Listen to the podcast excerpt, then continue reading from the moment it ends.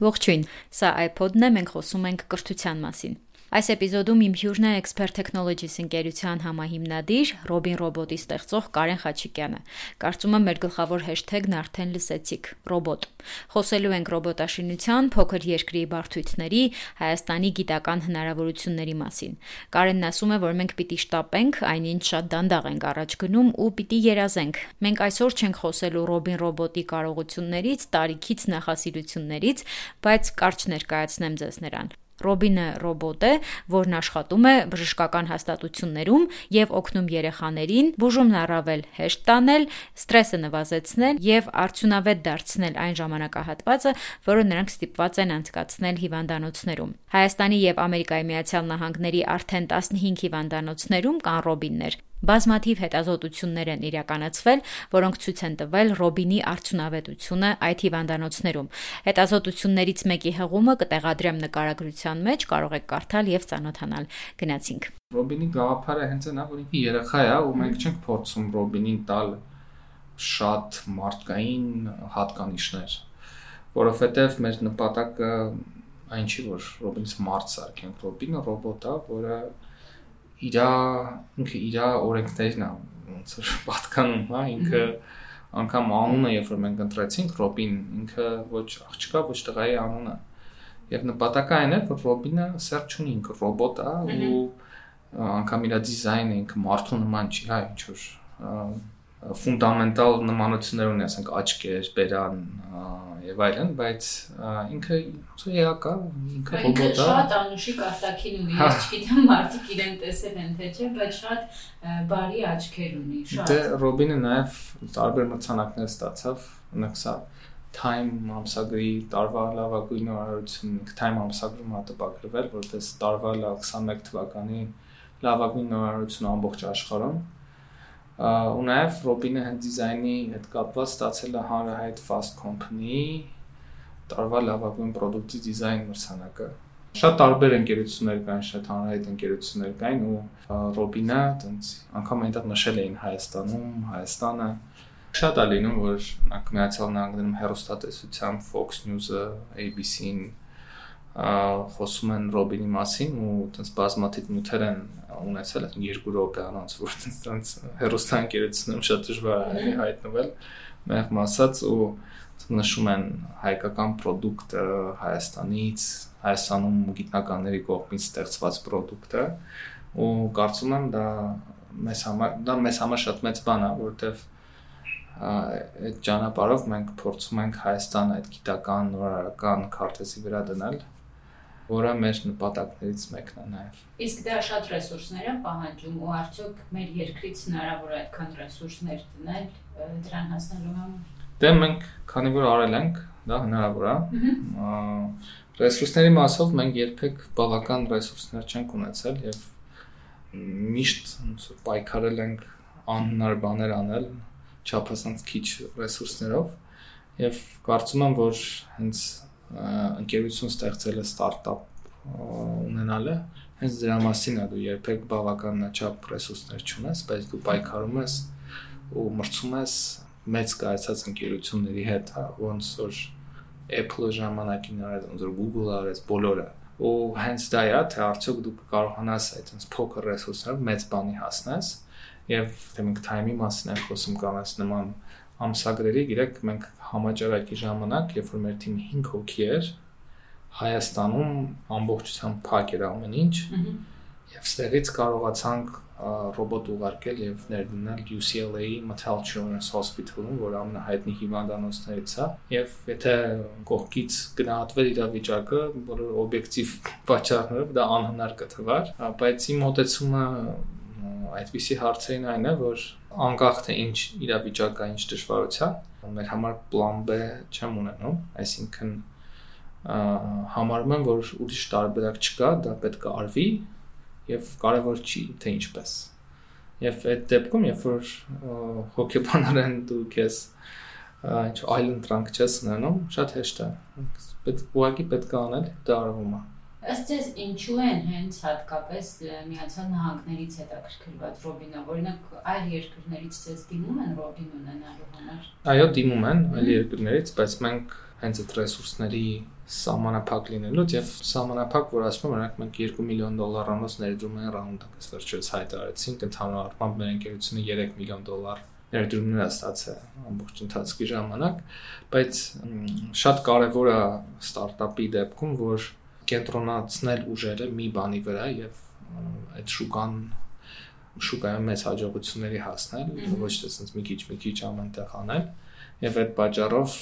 մեր համար շատ թիրախային է հենց Միացյալ Նահանգների շուկան եւ այս մոտակա տարիներին այնտեղ ենք պատրաստվում հաջողության հասնել եւ դրանից հետո արդեն ուրիշ երկրներում Ռոբինին Իսկ երբևէ մտածել եք հենց տեղափոխվել Միացյալ Նահանգներ, որտեղ գուցե հնարավորություն, գուցե չէ հնարավորությունները ավելի շատ են, ու այնտեղից շարունակել Ռոբինի ճանապարհը։ Դե մենք հիմա մեր ընկերությունը 5 երկրներում թիմեր թիմ ունի։ Որտեղ։ Միացյալ Նահանգներում, Կանադայում, Քուվեյթում, Լիբանանում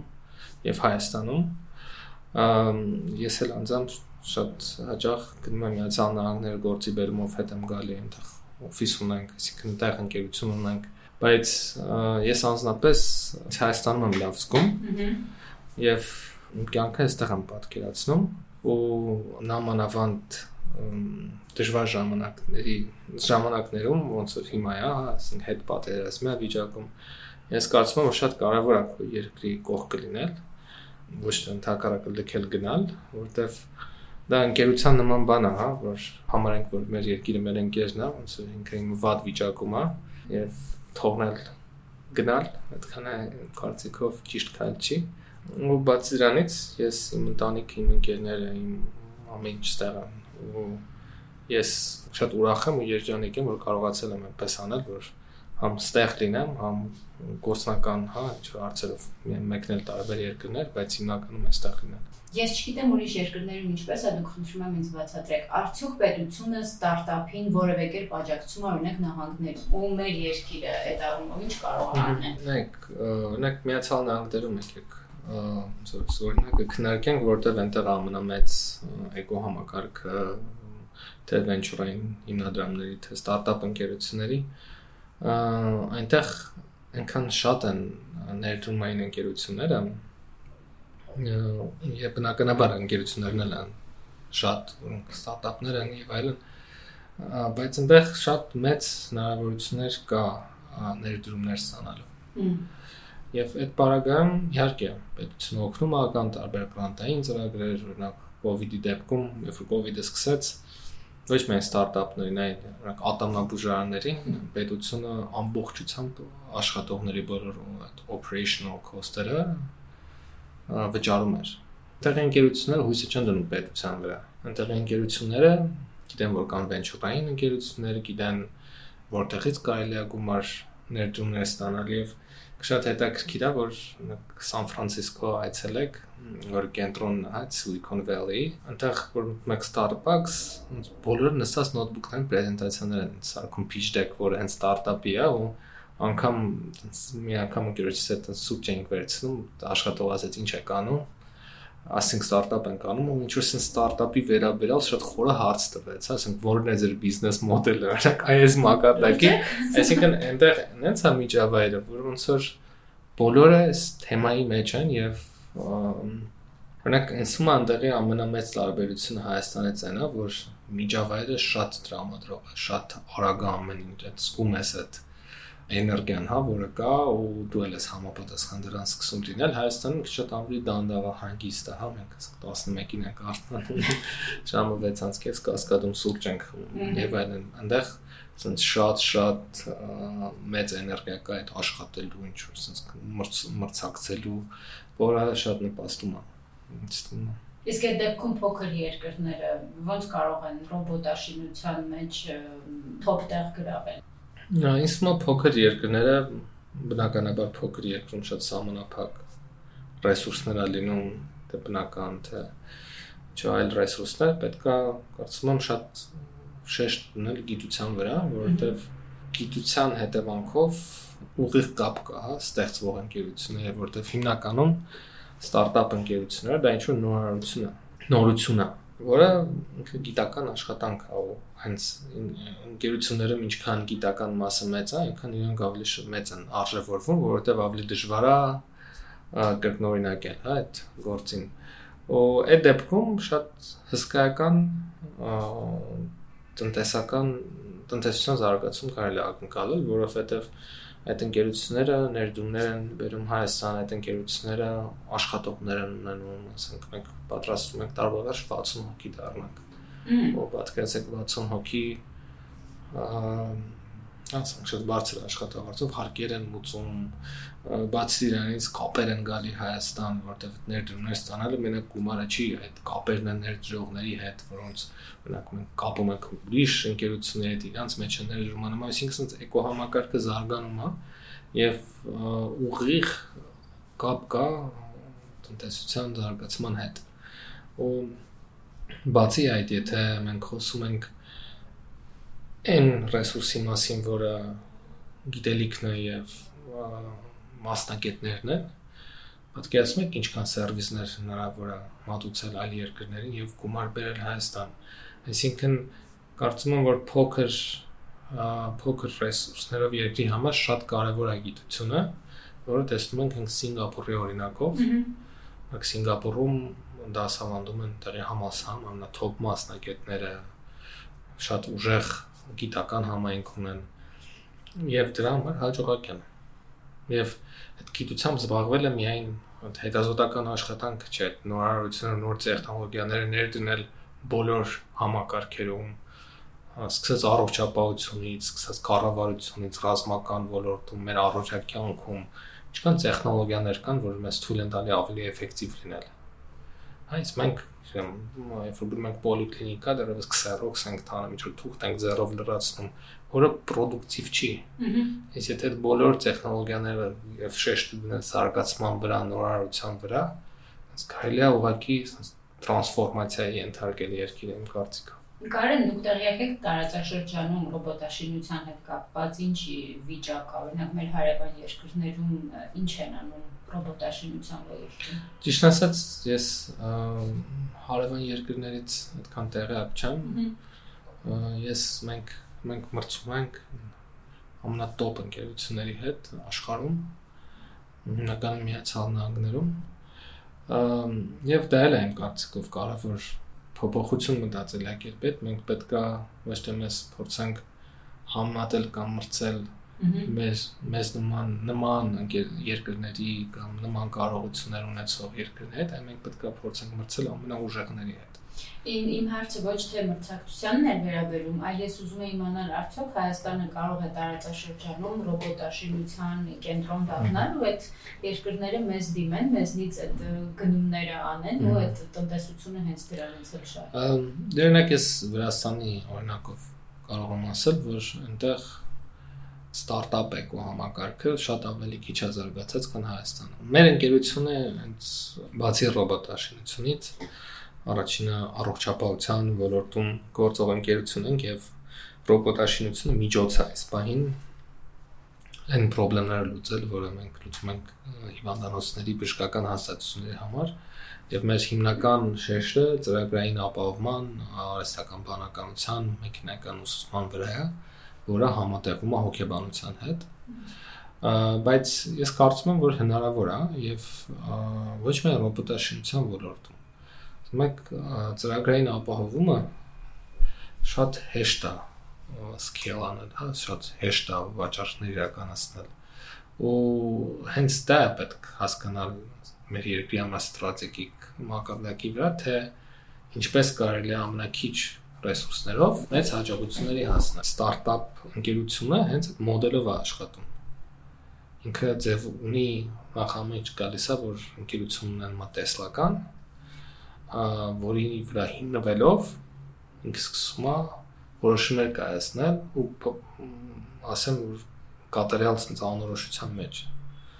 որոշումներ կայացնել ու հասկանում է ինչպես կարող է իր քիչ ռեսուրսներով մեծ հաջողությունների հասնել։ կարծում եմ նույն մոդելը կարելի է կիրառել հենց մեր երկրի վրա ու կարծում եմ հենց գիտությունը այդ կարևոր հույսներից մեկն է Երբ օրինակ գիտության բյուջեն բարձրացվեց, ես հա էլի եմ ասել, որ Դա շատ լավ է որ բարձրացվեց, բայց արդյոք մենք հենց բարձրացվեց այդ բայց մտածում ենք ոնց կարելի է ել ավելի բարձրացնել։ Ոչ թե ասել հա մենք բարձրացել ենք եւ վերջ, այ հենց այդ պահից մտածել իսկ ոնց կարող ենք ել ավելի բարձրացնել բյուջեն, որտեղ կապը է շատ բացահայտ է, ինչքան գիտության մեջ ներդրում անենք, այդքան ավելի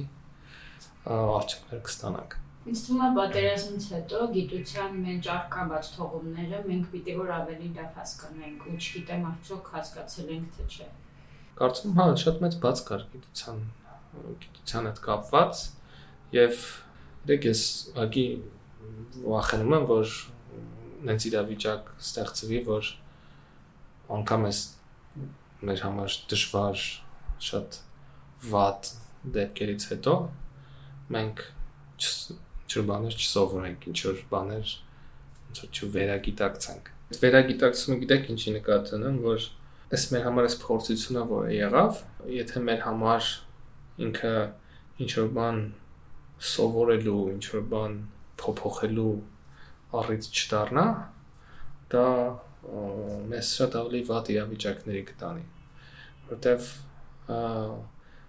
անգամ այս ծայրահեղ վատ բանը ինչ որ եղել է, մենք պետքա հասկանանք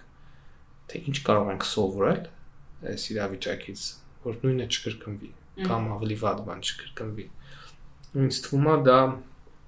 դրա մի կարևոր քայլերից մեկը այն է, որ մենք չանենք ինչ որ բան ուղղակի անելու համար։ Ու այդ մոտեցումը հասարակ քաղաքացուց, որը իր համար աշխատում է ինչ որտեղ, մինչև ամնաբարձր պաշտոնյա, մինչև գիտության ներկայացիչ այն նույն ձևով պետք է լինի։ Դա չպետք է ինչ-որ բաներ անել ուղակի անելու համար, այլ պետք է շատ խորը մտածել թե ինչպես կարելի է այնպես փոփոխություններ կատարել, որոնք մաքսիմալ ազդեցություն կտան։ Ու շատ դեպքերում անգամ պետք է ամեն ինչ քանդել 0-ից սարքել։ Ասենք եթե պատը փտած է, ինչքան ներկես իրան ինքը մեկը փտալ փտելու է էլի ու կարող է կան ոլորտներ, կարող է կան համակարգեր, որ հենց այդպես պետքա վերափոխել իրենց, հա, ասենց ու սա կարծում եմ պետքա շատ sense հայրենասեր, շատ պրոֆեսիոնալ մարդկանց կողմից կատարվի։ Ու իսմա մեր երկրում դա է շատ մեծ խնդիր է, որ մենք իրոք sense պրոֆեսիոնալների պակաս ունենք եւ նորից վերադառնում ենք գիտությանը, հա, որ մենք կունենանք այդպես պրոֆեսիոնալներ մասնակիցներ, եթե ել ավելի ներդրումներ կատարեն գիտության կրթության մեջ։ Ըստ ձեզ ինչի երեխեքը դպրոցից սկսած հետո արդեն ուսանողական տարիներին գիտության մեջ հեռանկարներ չեն տեսնում։ Իմ կարծիքով, որտեվ իրանց մոտ գիտությունը ասոցացվում է ցածր աշխատավարձի ու տենց ոչ անգլերեն լավ բառ ասած exciting, հա, շատ հետաքրքիր բաների հետ։ Ու դա նորից խնդիր է, շատ մեծ խնդիր է, որովհետև մենք այն օրը Իմ ընկերոջ հետ, որ հիմա ասպիրանտուրայում ասել որ մենք այդ աշխատել ենք տարբեր գիտական գիտական գործունեություն ենք իրար իրականացրել ու ոնց པարս հաշվարկ ենք անում, որ եթե ասպիրանտը դասավանդում է, եթե ինքը շատ խորը տենց գիտական աշխատանքով է զբաղվում տարբեր գրանտային ծրագրերի մասնակցում եւ դրա միջոցով տարբեր հետազոտություններ ա կատարում, ինքը անգամ այդ ժամանակ կարող մեծ գումարներ աշխատել։ ու կարծում եմ գիտությունը նաև sense branding-ի խնդիր ունի մեր երկրում, որը պետք է անել ու դա պետք է պետական մակարդակի վրա լինի ու երբ որ նակ այցելեք միացյալ նահանգներում համասարաններ, այնպեսի միջավայր է, որ դու ուզում ես այդտեղ մնաս, ուզում ես սովորես, ուզում ես զարգանաս։ Կարծում եմ նույնը մեզ մոտ է պետք անել, պետք է այն նույն մտածելակերպով, որ ինչպես անել, որ ուղակի անելու ուղակի sense ինչ-որ բան չանենք, էլի ասենք հա մենք անում ենք։ Այ իրոք մտածել ոնց կարելի է փոփոխել, ինչպես կարելի է բարելավել ու դա բոլոր համասարները վերաբերվում։ Իհարկե շատ լավ որակով կրթություն կա, լավ մասնագետներ կան, բայց պետք է նորից մտածել, այլ ինչ կարող ենք անել, որ ավելի լավ լինի։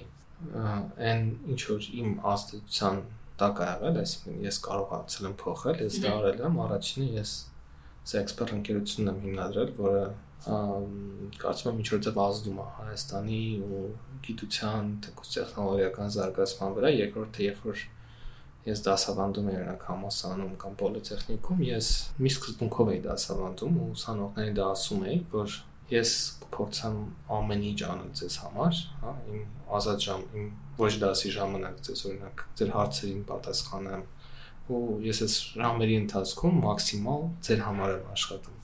բայց նույն սկզբունքով, քանի որ ես ձեր ձեր հանդեպ այդ վերաբերմունքն եմ տալի, ես նույնքան պահանջելու եմ։ Օ, հնակ ես որ դասավանդում եմ, ես դենց իրավիճակ չի կարող պատկերացնել, որ մեկը չսովորի, ես ասեի լավ երեք էլի։ Okay։ Դա պետքա բոլոր տեղերը լինի, այսինքն համասարը չպետք է ինչ որ թուղթ լինի, որ ոնց ասենք համասարն ենք ավարտել։ Դեք ես սինոպսիսում եմ աշխատել եւ այնտեղ եմ 5 տարի այնտեղ եմ աշխատել ու սինոպսիսի ամբիոնում եմ սովորել, պաշտպանել եւ երբ որ ես ես մոտարպես 15 կարծում եմ գիտական աշխատանք ունեմ, որը հրատարակվել է միջազգային կոնֆերանսներում եւ ամսագրերում ու եթե սինոպսիսում չաշխատեի, որտեվ սինոպսիսն էր ֆինանսավորում այդ գիտական աշխատանքների տպագրումը, որտեվ եթե չգնաց չներկայացնես ոչ մեկ հոդվածը չի տպագրի այդ ամբողջ process-ը ես ոչ մի հոդված չի կարողանա գրեի բացի հայկական կամ լոկալ ամսագրերում Այսինքն տեսեք, ուղղակի ես կարողացել եմ այս միջավայրը բախտորել է երևի, որ տենց հնարավորություն եմ ունեցել, բայց կարողա չունենայի։ Նախ մի աշխատանք, որը կատարել ենք մեր խմբով, տպագրվել է Computer Society Annual Symposium-ում, որը համարվում է ամենամեծ տեխնոլոգիական գիտական ամսագրից մեկը Հոնկոնգում ներկայացվել այնտեղի պոլիտեխնիկական համալսարանում ես ինչ անեի ես այդ տարիքում այդ ուսանող ժամանակ չէի կարող այդքան գումար ունենալ որ այդ ամեն ինչը այսինքն կար գիտական աշխատանքը բայց եթե օրինակ չֆինանսավորեր ընկերությունը Synopsys ինչ էի կարող անել Այսինքն տեսեք ինչ կարևոր հարց է, այսինքն ասում են գիտական աշխատանքներ, դա պետքա ֆինանսավորվի, պետքա մասնագետները, գիտնականները, գնան, շփվեն, փորձով փոխանակվեն, զարգանան, ու դա պետք է ուղիղ հասկանալ, թե ոնց ինչ մեխանիզմներով է այդ ամեն ինչը իրականացվում։ Որտեվ նույնը գիտությունն է ու ցավոք այդտեղ հետ խնդիրը կա։ Կան մարդիկ, ովքեր անում են ուղղակի ինչ-որ բան անելու համար։ Ու ոչ միայն գիտության մեջ, բոլոր ոլորտներում։ Ու այդ դա է պետք փոխել։ Պետքա իրոք աշխատել, իրոք պետքա հա մենք պետքա տխուր լինենք, եթե ինչ որ մի օր չենք զարգացել, ավել բան չենք սովորել։ Ու եթե փորձենք այդ մտածելակերպը այդ գաղափարները տարածել դպրոցական տարիքից համասարանում մենք կարող ենք ազդեցություն ինչ որ փոփոխություն տեսնել ինչ որ ժամանակ հետո բայց կարծում եմ դժվար մասը այս ամեն ինչի են, որ կրթությունը, գիտությունը ինքը այնպեսի ոլորտներ է, որ դու ներդրումներ ես անում, փոփոխություններ ես անում ու դու տարիներ հետո կարող ես տեսնես Այո, երկարաժամկետ նկարում։ Ինքս դու կրթական համակարգն ես փոխում դպրոցներում, ինչեւ այդ երեխան չավարտի դպրոցը համալսարանչյանը մասնագետ դառնա, կարող դու չկարողանաս ճիշտ գնահատես իր էֆեկտիվությունը։ Ցավոք սրտի, որ մենք ժամանակ ենք կորցնում, որտեղ ինչքան դանդաղ ենք անում, այնքան ավելի ուշ է այդ հետաձգվում է այդ արդյունքները։ Կարող է սխալ բան, ոչ թե սխալ է այդ պահին բայց մի հավելյալ փոփոխություններ անել մինչև այդ գնանք այդ ամենալավ տարբերակին, հա, այսինքն պետք է իտերացիաների ժամանակ ունենանք։ Դրա համար պետք է շտապենք։ Ամենավախենալուն այն է, որ մեր ճշտամիները, մեր այն երկրները, այն ընկերությունները, որոնց հետ մենք մրցում ենք, նրանք շտապում են։ Շատ շտապում են։ Իսկ մենք դանդաղ ենք, հա, կարծում եմ, որ այդ զգացողությունը մեր մեջ պետքա ձևավորել ենք այդ շտապելու մշակույթը։ Մենք պետքա մտածենք, որ մենք ժամանակ չունենք, որ վատնենք։ Ամեն վարքյանը ուղղակի սիրուն խոսք չէ, վարքյան ամեն վարքյանը կարևորություն ունի։ Ինքնա որ ձեզ դպրոցական տարիքի երեխաներ, ձեզի նկատի ունեմ ամբողջ թիմին գրեն, որ մենք ինքան կուզենք տեսնել Ռոբինին ոնց է սարքում կամ ներգրավել ու այդ ուղղությամբ դուք ինչ եք անում։ Մենակ մի երեխա հենց Facebook-յան էջին էր գրել, փոքր էր տարիքով երևի 5-րդ դասարան ասաց, որ շատ ռոբոտներ ասիրում ինչ որ բաներ ասարկում, մենք իրան հրավիրեցինք մեր օֆիս, ինչ որ լիքը սարքավորումներ նվիրեցինք, իր հետ աշխատեցինք ու ես ինքս փորձեցի մոտիվացնել, որ ու միշտ այնց ինչ որ միջոցառումների մասնակցում ենք ես հնարավորություն է լինում դպրոցականների կամ ուսանողների հետ խոսալ միշտ գնում եմ օրինակ այս վերջերս ինձ հրավիրեցին հենց իմ դպրոցը որտեղ ես սովորել էի 9-րդ դասարանցի երեխաների հետ ոնց որ խոսալ, կիսվել, պատմել ու նենց հաճել էր որ երբ ես խոսեցի Ռոբինի մասին, այնտեղ երեխաներ կային, ովքեր ասացին որ մենք հիվանդանոցում ենք եղել ու Ռոբինը մեր մեզ եկել է մեր հետ է եղել ու ճանաչում էին ու իմ հիմնական մեսեջը նրանում է կայանում այնտեղ որ երբեք պետք չի վախենալ քիչ ռեսուրսներից, քիչ հնարավորություններից այդ փոքր երկրի կոմպլեքսը մեր մեջ պետք է չլինի, էլի։ Ու այն իրավիճակներն եմ պատմում, երբ որ ես ու Հայկը Ռասանջանում հետ հիմնադրել ենք մեր ընկերությունը, երբ որ սինոպսիսում էինք աշխատում միջև գիշեր, հետո այդ վերջի գումարներով օֆիս էինք վերցրել գիշերները մինչև առավոտ աշխատում էինք, մենք չենք տեսնում, մենք չգիտեինք ուր են գնում, բայց մենք ունենք տեսլական, որը որն էր մեզ տրթում էր այդ ուժներ տալի գնանք առաջ ու մենք հենց բաների միջով ենք անցած, մենք մենք այդ օգտագործված ապրանքների շուկա կարող գիտեք գնունու հետևը որ տենց թափո ոնց քրչի բազարը կոչվում էլի, տենց վատ անուն ունի, բայց այն ամենահին բաներն են, որ թափելու բաները, մենք գնում էինք, ասենք, կեղտոտ ալյումինի լիստերի ենք առնում, ասենք, այնքան զզվելի էր, այնքան կեղտոտ էր, որտեղ վերջի գումարում ձեռքերով լվանում էինք, ինչ կտրում էինք ու եւ այդ ժամանակ ասեիք երկու տարուց թայմի, ասենք, word ենք ստանալու։ Ես ես չգիտեի, ես ոնց եմ դրան գնալու, բայց ես այդ ժամանակ անգամ այդ շուկայում այդ կեղտոտ բաները լվանալուց առնելուց ես ինձ երբեք չի համարում որ ես չեմ կարող ստանամ այդ մրցանակը ես ինձ չի ասում հայ ես փոքր երկրից եմ երևի ռեգիոնում փորձենք ինչ-որ բանի հասնենք այդ մեծ մեծ նպատակներ դնելը ու չվախենալը մեծ երազանքներ ունենալը շատ կարևոր է ու ռուսերեն լավ խոսք ասում надо мечтать о великом ինչքան մենք կարողանանք ավել երազանք նպատակներ դնենք, այդքան մի քիչ կարող քիչ հասնենք, էլի, բայց եթե ինչ-որ լիմիտ ենք մենք ունեցնում ենք, դրանից ավել չենք կարող լինենք ու ասում եմ, սա շատ կարևոր բաներ է, որ պետք է դպրոցականներին ասեն։ Օրինակ դպրոցականներ կան, որ տարբեր հանդիպումների ժամանակ հարցրել են, ասել են օրինակ ձեր ծնողները ձեզ օգնել են թե չէ, ասենք ձեր ծնողները կա ով իշ բան են ցանկանում Սա էլ է կարևոր խնդիր, գիտեք, որ մենք մի հասարակության մեջ ենք, ու մենակ Հայաստանը չի դա ամբողջ աշխարհն է, որ մարդիկ կարող են ազդել, ճնշել այդ մտքերը, բայց դա էլ է, չէ՞, պետք է ճիշտ կոմունիկացիա կոմունիկացնել այդ երեխաների հետ, որ պետք է քո երազանքները ունես, պետք է